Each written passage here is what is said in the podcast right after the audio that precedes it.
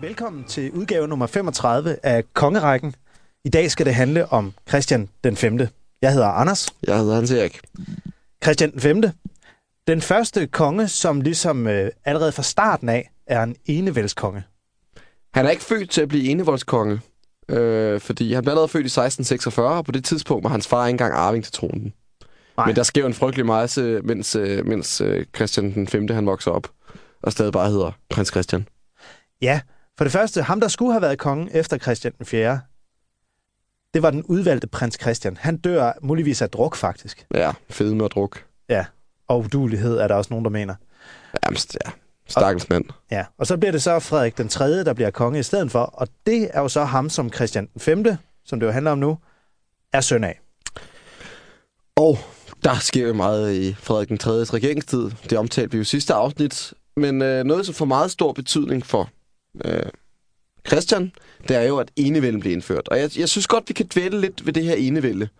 Øh, fordi der er nogle ting, øh, som jo først rigtig slår igennem. Enevældige ting, som først rigtig slår igennem på Christian den 5. tid. Altså efter, at faderen Frederik den 3., som indførte enevælden, er død. En af de første forskelle, det er, at i det sekund, hvor Frederik den 3. han udånder, der bliver Christian den 5. konge.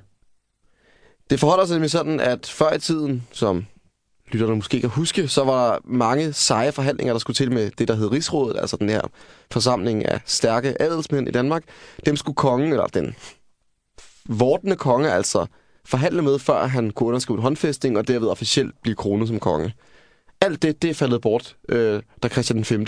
Øh, står skal blive konge. Han bliver simpelthen, fordi enevælden er blevet indført, så er der ikke længere nogen forhandlinger øh, med Rigsrådet, der skal til, før han kan udnævnes. Det er på mange måder også meget praktisk, fordi det er en, lidt en meget usikker periode, hver gang der er den her overgang fra konge til konge. Altså det her interregnum, som det hedder, den her mellemperiode, der er mellem to regenter, der kan der ske en farlig masse råd, og det undgår man altså nu i det her fuldstændig totalitære system. Fordi at øh, Christian den 5., eller den enevældige konge, den eneste, han i hvert fald sådan i princippet skylder sin trone og sin krone, det er Gud.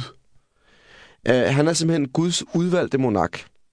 Det har vi jo set tidligere i kongelig propaganda, er også blevet brugt helt tilbage i middelalderen, når man er Guds, øh, ikke repræsentant, men udvalgt af Gud. Men nu er det simpelthen en del af kongeideologien, at øh, kongen han er Guds øh, udvalgte øh, regent over, over de øh, forskellige folk.